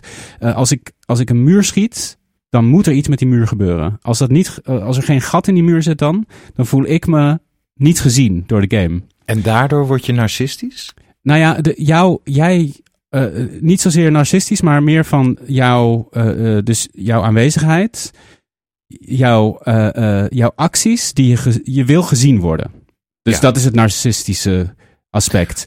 Je wil gezien worden door de gamewereld. Mhm. Eh, eh, dus het narcistisch is misschien een beetje gekke. Hoe, Ja, zij noemt het een narcissistic injury. ja, Oh, ik interpreteer het als, als, eh, als de wereld mij niet ziet, dan ga je denken, oh, zij zullen het allemaal, zij snappen mij gewoon niet. Zij Ja, zien nou ja. mijn genius niet. Ja, En dan maar word dat- je eigenlijk narcistisch. Ja, van. nou ja, zover. Het is puur en alleen dat hij, dat hij zijn acties gereflecteerd wil zien. Ja. Dus eh, de, de re- eh, reflectie is natuurlijk ook heel belangrijk eh, in het verhaal van Narcissus. Je wil reflectie zien van jouw acties in de gamewereld. En Ja. dan de, de letterlijke actie van een pistool, met een pistool een muur schieten. Mhm. Als er dan niks gebeurt met die muur, dan word jij, jouw actie, niet gereflecteerd in die Mhm. muur. Dus besta Eh, je niet. Nee, precies. Eh, en dat is treffend, vond ik, voor, voor Ja. veel games. Dat, dat, hoe Ja. belangrijk het is dat je je gezien voelt. Net zoals dat Beagle jou niet zag. Ja. Dat deed ook pijn, weet je wel? Ja, en dan Eh, ga ik mij dus onbewust eigenlijk beter voelen dan de game. Ja, Snap je? Het, het is een beetje als mensen die eh, aan idols mee- mee- meededen, een X-Factor, die dan worden afgekraakt. Ja. En die zeggen dan, ah, ze weten geen ene fuck, die precies. mensen. Ja. Dus je gaat, je voelt je niet liefdevol omarmd. Je kan eigenlijk beter horen van, hey, ehm, bedankt dat je bent gekomen en, en, en, en fijn dat je dit hebt gedurfd. Maar Ja. het is gewoon niet goed genoeg voor ons programma. Ja. Dan voel je denk ik fijner Mhm. door de waarheid te krijgen. Je wordt in ieder geval liever negatief worden gezien dan niet worden gezien. Want Ja. dan, dan krijg je, kom je in een soort rare trip terecht. ja, precies. Ja, ja. Ja. Goed. Ehm, Interesting. beste gamewereld heb ik Tears of the Kingdom. Eh, ondanks dit verhaal. Ehm, eh, ja, ik ook. ik had daar nog niet over na. Maar tuurlijk, Ja, dat is gewoon een hele goede game weer. ja, ja. Ja. Ehm, Game die onder de radar is gevlogen, die meer aandacht verdiende. Nou ja, goed, Ja. heb ik al genoemd. Season, die al genoemd. A Letter to the Future. Ik vond het zo'n mooi verhaal. Ik kies ook Season. Oké, Future. dankjewel. Ja. Support, support this cause. ja, ja. ja, meest originele of weirde out-of-the-box Ja. game moment. ja, Dat is voor mij waar ik net al aan refereerde. De Stanley Parable. Dus dat je bij de skip-knop zit. Op een gegeven moment sla je jaren over. En je voelt je zo gefukt door die narrator. Van nou, ik heb nu gewoon jaren van mijn leven verspild door te skippen. Op een gegeven moment, je staat in een kamertje. Breekt die hele kamer af. Mm. Sta je midden in de woestijn. En kan je gewoon die woestijn inlopen. Oh ja. Denk je, wat gaat hier nou gebeuren? Dus ik liep maar in die woestijn, woestijn. Op een gegeven moment ga je dood. Want je bent droogt uit. Ja. Kan, niet- kan niet. Dat vond ik al behoorlijk out of the box. Ja, ja. Ehm, ja, mijn moment is een moment uit Baldur's Gate 3. Ergens vroeg in de game kom je in een soort van dorp wat overgenomen is door eh, eh, goblins, door een soort evil goblins. Eh, en dan doe je een schuur open, een hele grote schuurdeur. En dan val je in een cutscene waarbij er een eh bakbeer is het volgens mij, een grote beerachtige, weerwolfachtige figuur. Een ogre, een hele grote vlezige eh, reus, van achter aan het nemen is. Wat? Ja, Je doet die schuurdeur open Ja? en zij hebben gewoon seks. In die heel luidruchtig. Je hoort al geluiden en je denkt, Maar wat is dat? ogre met een... Bugbeer volgens mij. Wat is een een soort, ja, een soort harige, weerwolfachtige eh, eh, creature. Is dat diezelfde bugbear op een gegeven moment was dat van... Je kan in Baldur's Gate neuken met een Nee, beer? nee, nee, dat is weer een ander Oh, dat is weer een andere beer, Ja, want, want, dit, want die beer, dat is een, een druid. Dus een van je companions die in een beer kan veranderen. Oh. Ja, en als je met hem, je kan dus met je companions eh seksen. Is dat die met dat witte haar? Die nee, nee dat maar. is Astarion. Dat Oh. is een vam- vampier. ja. Eh, goed, dus, eh, dus die, die druid, Helsin, die kan in een beer veranderen. Dus je kan, als je met hem seks hebt, kan je zeggen van... hey, heb je zin om in een beer te veranderen? Want dan, eh, weet je, eh, Ja, is is, alles wat... kinky ja, precies. Ja. Eh, maar deze scène was gewoon ongelooflijk. En dat eindigt dan in een, in een, eindigde in een gevecht. Je kan waarschijnlijk onze persuasion, dus onze overtuigingskracht, was niet groot genoeg. Ik denk dat je best wel op een andere manier kan, kan oplossen. Maar eh, we hebben ze wel gewoon, ja, ze vielen ons aan en ze hebben het niet gered. Ach, ja, want ze eind. dachten, ja, ja heel, heel, ook mooi, leven. ook Ja. liefdevol, Ja, hebt maar ook pijnlijk. tenminste net seks gehad, maar Ja, met een beer. ja. Ja, Goed, eh, dat was mijn moment. En dan, ja, dat was het de lijst volgens mij. Hè? ja. ja dat, dat, dat was ons lijstje. Ja, nou ja, toch wel een heel mooi jaar. Met heel veel hele mooie verhalen. En Ja. het is nog maar een fractie. Ik, heb, ik zat te kijken, maar ik heb gewoon 18 games uitgespeeld die dit jaar zijn uitgekomen. Nice. Veel Ja. zeg. Ik echt maar vier of zo. En eh 15 die eh, niet dit jaar zijn uitgekomen. Ik heb nog nooit zoveel games gespeeld in mijn leven. Maar dat komt ook door deze podcast. Dat ik denk, eh, ja, Mm. ik moet wat te vertellen hebben. En het was echt wel heel een leuk trip. Hmm. Dus dat blijf ik wel doen. Ja. ja voor- ik heb nog Disco Elysium bijvoorbeeld dit jaar uitgespeeld. Het was wel mijn game van het jaar. Die niet dit jaar zijn Oh, uitgekomen. die heb je dit jaar nog uitgespeeld? Ja, ja, maar voordat we aan de podcast begonnen. Ehm poeh, dat weet ik niet Want meer. daar hebben we het helemaal niet over. Jawel, we hebben het we uitgebreid hebben het wel. Elysium Ja, we hebben het al. Ja. maar, ehm? Ja, ja. maar ik dacht dat je hem al veel langer had, eh, Nee, nee, dit jaar. Dit jaar. Ja. uitgespeeld. Goed. eh ja, nog, zoveel games. Ehm, zullen we even een klein zijspoortje Ja. naar eh, wat andere genres? Want ik vind het altijd heerlijk om eh, andere lijstjes te lezen van anderen. Om te, te weten wat ik al- allemaal heb gemist. Ehm, wat is jouw eh, muziek van het jaar? Och, ja, ik heb echt te weinig naar muziek geluisterd dit jaar. Mhm. Maar ik heb wel een aantal platen ontdekt of geluisterd die ik heel goed vond. Ook omdat ik gewoon bizar veel naar podcasts luister over games. Mhm. Ik heb eh, gemiddeld een uur per dag naar Games Podcast geluisterd. Dit Wauw. ja, gestoord hè? Uur per dag, Ja. dat is zoveel bestaan. Ja, ja, ja, ja, echt. Ja, ja. Maar goed, eh, dus, en dat is ook wel een van mijn voornemens, dat ik volgend jaar in plaats van een uur, misschien een half uur per dag en dan ook een half uurtje per dag muziek luisteren. Want dat eh, Ja, houdt, het, houdt, houdt je geest ook gezond, muziek luisteren. Ik wil toch een paar platen aanraden die ik wel heb geluisterd, want ik heb ook Mhm. naar muziek geluisterd. Boy Genius. Een soort supersterren, female, all-female superster band. Met onder andere Phoebe Bridgers. Eh, een oh ja, geweldige- zij is geweldig. ja, ja, nou, zij heeft dus een band samen met nog twee andere frontvrouwen. Eh, Julian Baker en Lucy Dacus. Die ook allebei heel tof zijn. Ja, zij zijn super groep begonnen. Heb ze op Lowlands gezien. Ze schrijven volgens mij niet samen. Ze nemen gewoon liedjes mee. En die gaan ze dan om de beurt spelen eigenlijk. En het is toch allemaal één geheel. Het is echt heel sterk. Hele goede plaat. Eh, The Record heet de, eh de debuutplaat die dit jaar is uitgekomen. Ik vond die nieuwe plaat van Andre 3000 ook heel vet. Die heet New Blue Sun. Dat is een, ja, het is een ambient. Het wordt gezegd fluitmuziek, maar dat vond ik, ik vind het gewoon meer een soort, ja, het is echt ambient. Lange nummers, geen vocals, geen rap. Hij is van Outkast natuurlijk. En hij heeft, dit is zijn eerste plaat in volgens mij zeven jaar of zo. En het is totaal instrumentaal, nummers van zes, zeven minuten. Heel mooi, heel ingetogen. Hele fijne, mooie ambient eh, muziek. Eh, en dan wil ik nog Buck Meek aanraden. Haunted Mountain. Die heb ik ook live gezien eh, op Into the Great Wide Open. Geweldige, ja, hele country, Americana, indie. Hij is van Big Thief. Ook een hele goede Oh band. ja, een hele goede band. Eh, en Ja. zijn soloplaat is ook heel tof. En live ook echt waanzinnig. Vet. Ja. Wauw, ik ga deze allemaal zo meteen nog even nog een je vragen. Ja. Tips. Ik zet het allemaal in de show notes ook sowieso. Lekker, lekker. Eh, ik denk, eh, een plaat die ik heel erg goed vond, ik denk volgens mij staat die in heel veel lijstjes, is de laatste van Jungle. Oh ja. Ehm, ik weet even niet hoe de plaat heet. Een oranje cover. Eh, ja, heel soulful, heel dansbaar. Heel, heel erg lekkere plaat. Ehm, ik heb verder ook wel veel geluisterd naar Billy Martin. Ehm, hele fijne, eh, ja, beetje folky pop artiesten. Eh, haar laatste album kwam dit jaar uit. Billy Martin. En dan heb ik nog, kijk.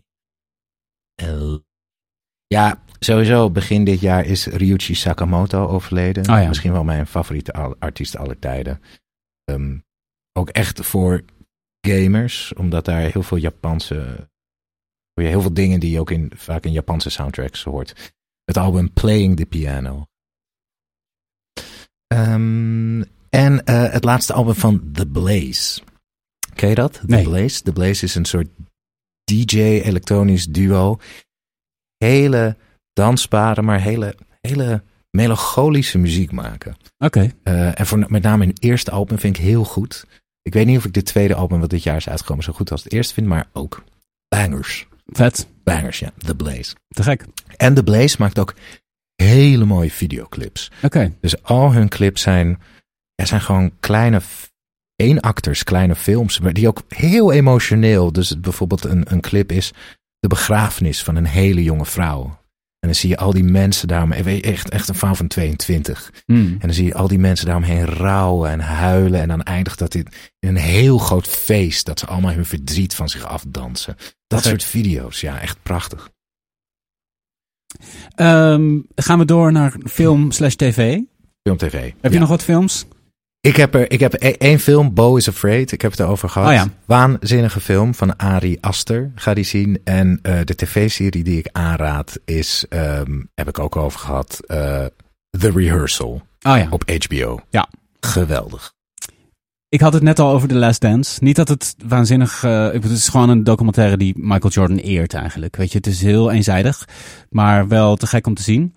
En eh, ik heb begin dit jaar Andor afgekeken. Eh, Star Wars serie, die is zo ongelooflijk goed. Die, ze, ik, ben niet, ik ben geen hele grote Star Wars fan. Ik vind eigenlijk, voordat Andor uitkwam, was ik groot eh, Mandalorian liefhebber. Dat was eigenlijk het eerste wat ik echt, echt heel tof vind. De films hebben me nooit echt gegrepen op de een of andere manier.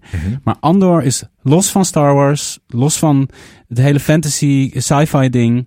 Gewoon een waanzinnig goede serie die over veel meer gaat dan alleen maar Star Wars stuff. Het is echt, echt een enorme aanrader. Is van vorig jaar volgens mij al, maar Zitten er lightsabers in? er zitten wel lightsabers in. Zitten er Jedi Ja, of, eh, nee, eh, nee, nee, nee, nee. Nou, ehm, Spoiler is dat. nou, nee, nee. Wacht even. Zitten er light? Er zitten wel in elk geval blasters in. oh ja, maar dat durf geen, ik wel. geen Jedi. Geen lightsabers. Jedi. Nee, want het gaat heel erg. Eh, ja, ik wil geen spoilers geven, maar Ja, het, gaat, heel over erg. die rebellen. Ja, het gaat heel erg over gewoon de, de gewone mensen eigenlijk. En, en Ja. hoe die onderdrukt worden door het. eh, dus je ziet, eh, je ziet hem, Andor, vanuit zijn perspectief. Hij is een soort van ja, bounty hunter. Good for nothing. Die ondertussen heel goed is in heel veel dingen. Maar ook zich voortdurend in de problemen brengt. En eh, het perspectief van de grote, ja, de, de leiders van de Empire. En de politieke zaken die daar eh, eh, spelen. Mm. Uh, dus het gaat heel erg van de hele grimy bars en, en, en lelijke kant van het universum naar echt de meest gepolijste, mooiste. Het ziet er ook ongelooflijk uit. De- Er is geen serie die, waarbij ik echt costume design zo, ja, zoveel indruk maakte. Echt, uh, iedereen heeft die serie volgens mij al kapot aangeraden, maar ik doe het toch nog een keer. Andor. Op. Disney Plus. Disney Plus. Boeken? Ja, ja, ik heb best wel wat boeken gelezen dit jaar. Oh, ik echt bedroevend Ja, weinig. nee, ik heb geprobeerd om wat meer te lezen en dat was wel heel fijn. Ja. Ehm, eh, ik heb sowieso een boek gelezen van een Nederlandse schrijver die ik eh, heel hoog op zit, Rob van Essen. Die vind ik echt waanzinnig. Ja. Eh, raakt mij altijd heel erg. Het is ook heel erg comedy, heel erg slapstick, maar het is ook heel erg, ja, ik weet niet, aangrijpend. Ik vind hem zijn wereldbeeld, en ook, hij heeft ook een soort magisch realisme altijd. Van wat gebeurt er? Weinige dingen worden ook uitgelegd, maar het gaat heel erg over ja, mensen die in zo'n rare wereld eh, onderling ja, bezig zijn met iets. Eh, heel, heel mooi geschreven. Ehm, eh, Minneapolis, kort boek, heb ik van hem gelezen dit jaar. En dan wil ik nog een, een heel dik boek aanraden. Mhm. Wat ik wel echt kan aanraden. The Ministry of the Future van Kim Stanley Robinson. Het is eigenlijk, het is fictie, maar het voelt als non-fictie geschreven in de toekomst. Hmm.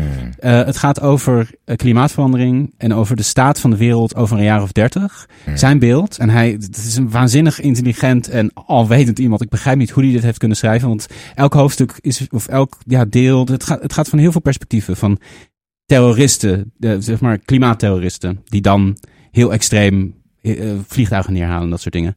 Eh, en een, een, vrouw die in het Ministry of the Future werkt. En het Ministry of the Future is een soort overkoepelend ministerie die probeert iets te doen aan de grote klimaatverandering. En het verhaal en het boek begint met een enorme hittegolf in India, waarbij 30 miljoen mensen in één weekend om het leven komen. Dat er geen water meer is. Het is 70 graden. Mensen verbranden gewoon levend. Het was ook bizar, want een paar weken terug gebeurde iets vergelijkbaars in Brazilië volgens mij. Eh, je ziet het gewoon gebeuren. Maar dit boek geeft ook heel veel hoop en eh, eh, perspectief dat er een manier is om het op te lossen. Mm. Ehm, eh, ik, ik, het, en het is natuurlijk, het is fictie, weet je, maar het is wel echt een aanrader als je het, het hele conflict iets beter wil begrijpen. Ik kan het, of conflict, of het probleem waar we Ja. in zitten, de wereld waar we in zitten en hoe dat er misschien uit kan gaan zien. En niet alles eh, klopt waarschijnlijk. En er zitten misschien allemaal gaten in. Maar ik vond het heel, heel knap gedaan. En het heeft me echt geholpen om, om te zien in wat voor situatie we eigenlijk zitten. En Mm. hoe het er over 30 jaar uit zou kunnen zien voor ons en onze kinderen. En dat is vrij angstaanjagend. Ja, maar het goede is dus van het boek dat het echt ook hoop biedt. En eh, eh, allerlei, ja, best wel out-of-the-box ideeën aandraagt om het op te lossen. Hm. Eh, eh, echt een, eh, echt een, een boek wat me heel erg bij is gebleven. Dus die twee raad ik aan. En sowieso, meer lezen is echt goed. Ik, ja, dat is ook echt mijn plan voor komend ja, jaar. ik heb ook jarenlang echt bijna niks gelezen. En dit jaar, weet ik veel, een boek per maand of zo. Of een half boek per maand. Eh, dat is al, al heel veel. Ja, het geeft je veel. Hè? Het Ja. is altijd, het is- ik vind het ook altijd fijn als je dan boek altijd bij hebt. En als je ergens bent en je hebt even tien minuten te doden. Dat je er niet op je telefoon zit, maar dat Ja. je verder gaat in het boekje. Het is alsof je dan een soort parallel leven Precies. leidt. Ja. En, en het, het voedt echt een hele bijzondere manier. Omdat je gewoon ja, nergens eh, muziek, film, games. Je, je moet het, het is een trip. Het Ja. is eigenlijk een heel bijzonder, eh, bijzondere vorm. Je hebt 26 symbolen.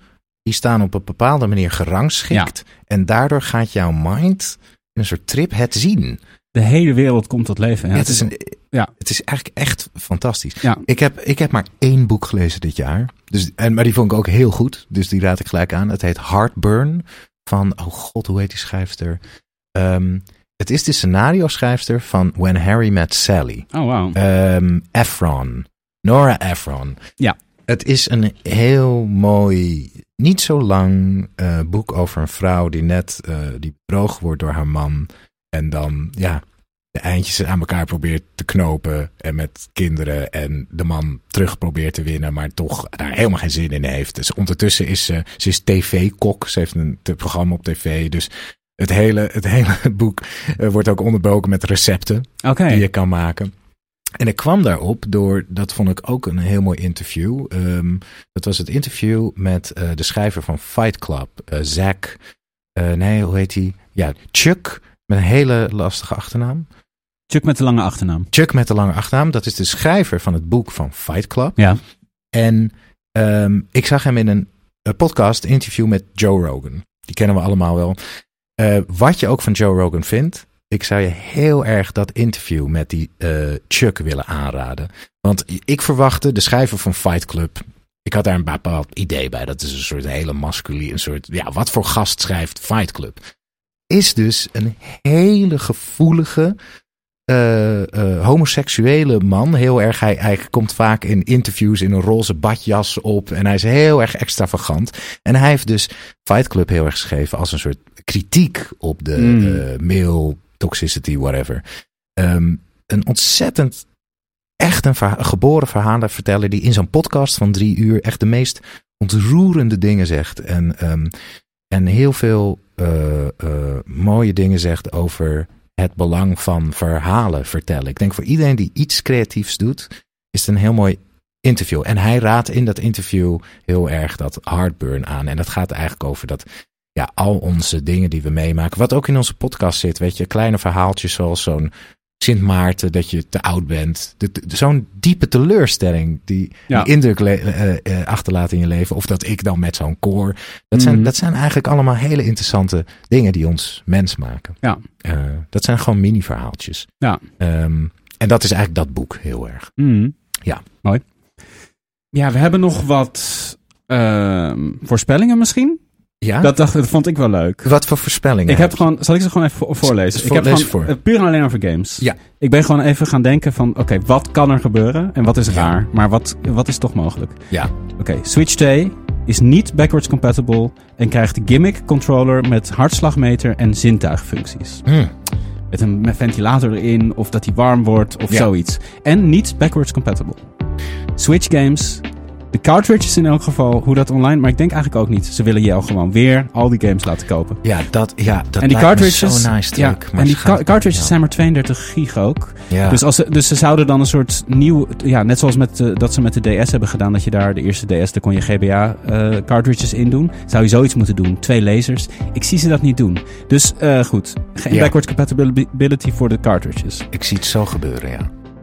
De volgende grote games van Sony Santa Monica en Naughty Dog komen meteen naar PC. De volgende God of War, de volgende titel van eh Last of Us 3, meteen naar PC. En waarom? Omdat Sony eh, het geld nodig heeft. Mm. Dat denk ik. Eh, omdat het volgens mij niet zo goed gaat met Sony. Nee, gaat niet Nee. zo goed. Zij hebben Bungie gekocht. Mhm. Het was hun mega aankoop. Mega, mega, mega aankoop. Ja. En het gaat heel slecht met Destiny. Eh, en al het werken wat Bungie eigenlijk zou gaan doen, eh, helpen met het opzetten van live service games. eh, rondom Last of Us vooral. Die zijn nu toevallig deze week gecanceld. Het Ja. Last of Us Online. Ehm, ze hebben een enorme investering gedaan die echt niks heeft opgeleverd. Eigenlijk alleen maar steeds minder oplevert. Omdat Destiny gewoon, eh, dus de grote game van Bungie, uit elkaar aan het donderen is. eh, en steeds meer spelers verliest. Dus ik denk dat ze denken, ja, we moeten, eh, we, we hebben de, we hebben de, Ja. we hebben het nodig. Dat is mijn gok. Dragon's Dogma 2 wordt de Baldur's Gate van 2024. Oh. Ehm, VR wordt omarmd en verdubbelt userbase. Door de Quest 3, Ja, die net uit is. ja. En killer, killer apps daarvoor. Ja. Mensen gaan het eindelijk, gamers in elk geval, gaan het echt omarmen. Wij misschien ook. Ja. Denk het wel. Eh, doorbraak in cloud gaming maakt weg vrij voor console-vrije volgende generatie. Hmm. Cloud gaming wordt zoveel beter. Pick up and play. Je hebt alleen maar een controller en een app op je televisie en that's it. Dat is sowieso de toekomst. Ja. Daar geloof ik heel erg in. Geen consoles meer. Ik denk dat dat volgend jaar al een hele grote stap gaat maken. Dus de PlayStation, de nieuwe PlayStation of de nieuwe Xbox heet dan gewoon PlayStation. Ja. Je koopt een controller Je koopt een subscription. en een subscription. Yep. En dan daarnaast kan je misschien nog, eh, ja, dan of je koopt games los voor die app. Weet je wel, zoals je in een app store. gewoon. Maar eh, dat, dat gaat een gigantische impact hebben op de retail-industrie. Ja, ja, Alle speelgoedwinkels, op eh, Mediamarkt. ja, dit is natuurlijk. Voor, voor ons is dit denkbaar. En voor landen waar internet gewoon eh, eh, Ja. solide is. Er zijn natuurlijk Ja. heel veel delen van de wereld waar dat totaal niet het geval is. Ja. Die nog steeds ook heel belangrijk zijn. Eh, waar ook nog heel veel consoles worden verkocht. Dus het is een beetje een wilde gok of dat volgend jaar al gebeurt. Maar ik denk dat het echt een grote stap maakt. Bijvoorbeeld cloud Zeker. gaming van, van Xbox. Game Pass Ultimate heeft dat. Dat is nu toch nog een beetje rakmikkig. Want je moet wachten voordat je toegelaten wordt. Het ziet er niet altijd even goed uit. Er is wat latency.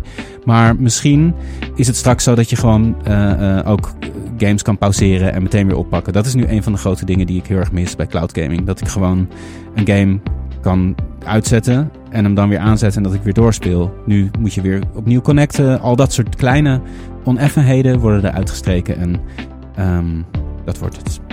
Ja, Ehm, ja, ja. onvermijdelijk. Het Ja. gaat gebeuren. Ik vind het jammer, maar het gaat gebeuren. ik ook hoor. Want die consoles en het karakter wat ze hebben. Eh, behalve Nintendo, die zie ik dat dan weer toch bij hun, bij een console houden. Weet je wel, die zijn ook helemaal nog niet bezig met streaming. Nee. Bijna niet. Eh, dus, eh, maar Xbox en Sony, Ja, die gaan het doen. ja. Ehm, plastic instrumenten maken een comeback. Oh mijn god. Ja. Echt waar? Waarom? Ja. Waarom toch? Ik denk dat dat nu met Fortnite, vanuit Fortnite, dat dat Fortnite Festival wat nu vorige week is gelanceerd. Oh ja. Eh, Harmonix, de makers van Rock Band, die hebben dat destijds groot gemaakt. Dat was echt heel, heel groot met Beatles Rock Band. En eh, die, iedereen kocht die dingen. was echt een enorm succes. Echt een groot ding met Guitar Hero daarvoor en Rock Band. Mhm. En nu zijn die, eh, die zijn natuurlijk heel lang, kon je die bij de kringloopwinkel kopen voor 2 euro. Maar die staan nu echt voor honderden euro's op eBay. Mensen willen dat. Mensen willen zo'n instrument hebben. Ja. En eh, de techniek is weer een paar jaar verder. Weet je wel, misschien kunnen ze iets meer toevoegen. Ik zie dat vanuit Fortnite, dat dat zo'n enorme userbase heeft. Ook van jeugd die dat echt tof vinden. Weet je wel, om zo'n gitaar te hebben en dat zo te spelen. Samen met je vrienden. Ja, ik, ik zie het wel gebeuren. Ja, als, het, als het jeugd inspireert om daardoor echt een instrument Ja. op te pakken. Een echt instrument, daar ben ik helemaal voor. Ja, ja, ja. Ja. Ehm, en dan nog eentje. Wauw. Onze podcast wordt tien keer zo groot. Dat, dat was ook de voorspelling Ja, die ik eh, ja, hè? deed. Ja, ja, ja. en dat is niet zo moeilijk Nee. om onze podcast Nee. niet zo groot te worden. Dus ja, daar ga Ja. ik in mee. Oké. Ja, ja. Ja, wauw. Ik, ik heb er eentje. Oké. Eh, Bloodborne. Bloodborne. Op de PS5. Ah. Krijgt een 60, 60, 60 fps? Ja, ik zou er echt al blij mee zijn. Het hoeft niet eens een remake te zijn. Nee. Gewoon een beetje een, ehm, een HD-upgrade. Of hoe heet het? Eh, Gewoon Ja. een upgrade. Precies. In alles. Een beetje mooie shaders erbij. eh, Goede nieuw lichting. Prima. Ja. En ik ben gewoon heel erg benieuwd naar wat FromSoft gaat doen. Ja. Elden Ring is nu toch al bijna twee jaar oud. DLC komt sowieso. Oh, die komt nog. Ja, ja, ja. ja. Hm, Shadow of the Earth Tree heet hij volgens mij. Oh. Eh, er is sprake van dat hij in maart uitkomt. Oh, spannend. Ja, dus dat sowieso. Maar... En ze hebben dit jaar Armored Core nog uitgebracht. Die hebben we bijna niet genoemd. Want ja, dat is zo'n game die we helemaal niet hebben gecheckt. Maar het is gewoon... Nee. Ja, is gewoon van. Ik ben heel benieuwd. ja, ja. Daarna moet ik eigenlijk ook nog spelen. Ja. Ja. Oh, zoveel te spelen. Zoveel te spelen. En er komt een heel nieuw jaar aan. Ja, jongens, met een nieuwe naam voor deze bij. podcast. Ja, de ja. videogame show. Ja, de videogame show. Ja, schrijf het op, onthoud het, vertel het aan je buurvrouw. Vertel het alsjeblieft, reed ons, want eh, dat kan ook nog steeds. Ja, reed ons. Ja, eh, Geef ons dat kerstcadeautje. Precies. En eh Als je het nog niet hebt gedaan. Je kan niet iets twee keer raten, toch? Dus Nou ja, op verschillende. Je kan wel op Spotify en op Oh, Apple Podcast Dat zouden we bijvoorbeeld. zo'n fijn cadeau Als je nou Apple Podcast luisteraar bent, Ja. eh, dan heb je vast ook Spotify voor de muziek. Ga heel even naar, doe gewoon even de, de, de Maarten en Kees Videogame Show. Dan kan je nog één keer die naam, weet je wel. Ja. Die oude, oude, mooie, oude, goede oude naam. Precies. Eh, en dan geef ons vijf sterren. En, laat, en op Apple kan je mooie reviews achterlaten. En op onze Instagram, en dit blijft gewoon dezelfde Instagram, Ja. kan je gewoon... eh, altijd bereikbaar. En ons e-mailadres blijft ook hetzelfde. Maarten en Kees at gmail. Voor de echte com. Ehm, ja, Maarten. We zijn er. We zijn rond. Het jaar is rond. Het jaar is rond. Gelukkig nieuwjaar iedereen. Ja, En maak er wat moois van. we zijn er volgende week dus een weekje niet. Maar 3 januari zijn we er weer. Met de volgende. Ho, ho, ho. Happy holidays. Yo. You. Bedankt voor het luisteren naar de Maarten en Kees Videogame Show met Maarten Heijmans en Kees Groenteman. Wij zijn als show en afzonderlijk te vinden op onder andere Instagram, Twitter en TikTok. Voel je vrij om de podcast overal te volgen en een mooi aantal sterren te geven. Daarmee help je ons enorm. Muziek en montage door Kees Groenteman. Artwork is van Hannah Gilhooly. Tot de volgende show. Oké. Ik, ik weet het denk ik wel. Ja, anders zoek ik er wel even wat op. Ja. Oké, zullen we beginnen? Ja. Alright. Ja, Maarten, we zitten... Ja. Oké. Even on a budget, quality is non-negotiable. That's why Quince is the place to score high-end essentials at 50 to 80% less than similar brands. Get your hands on buttery soft cashmere sweaters from just 60 bucks, Italian leather jackets, and so much more. And the best part about Quince, they exclusively partner with factories committed to safe, ethical, and responsible manufacturing. Elevate your style without the elevated price tag with Quince. Go to quince.com slash upgrade for free shipping and 365-day returns.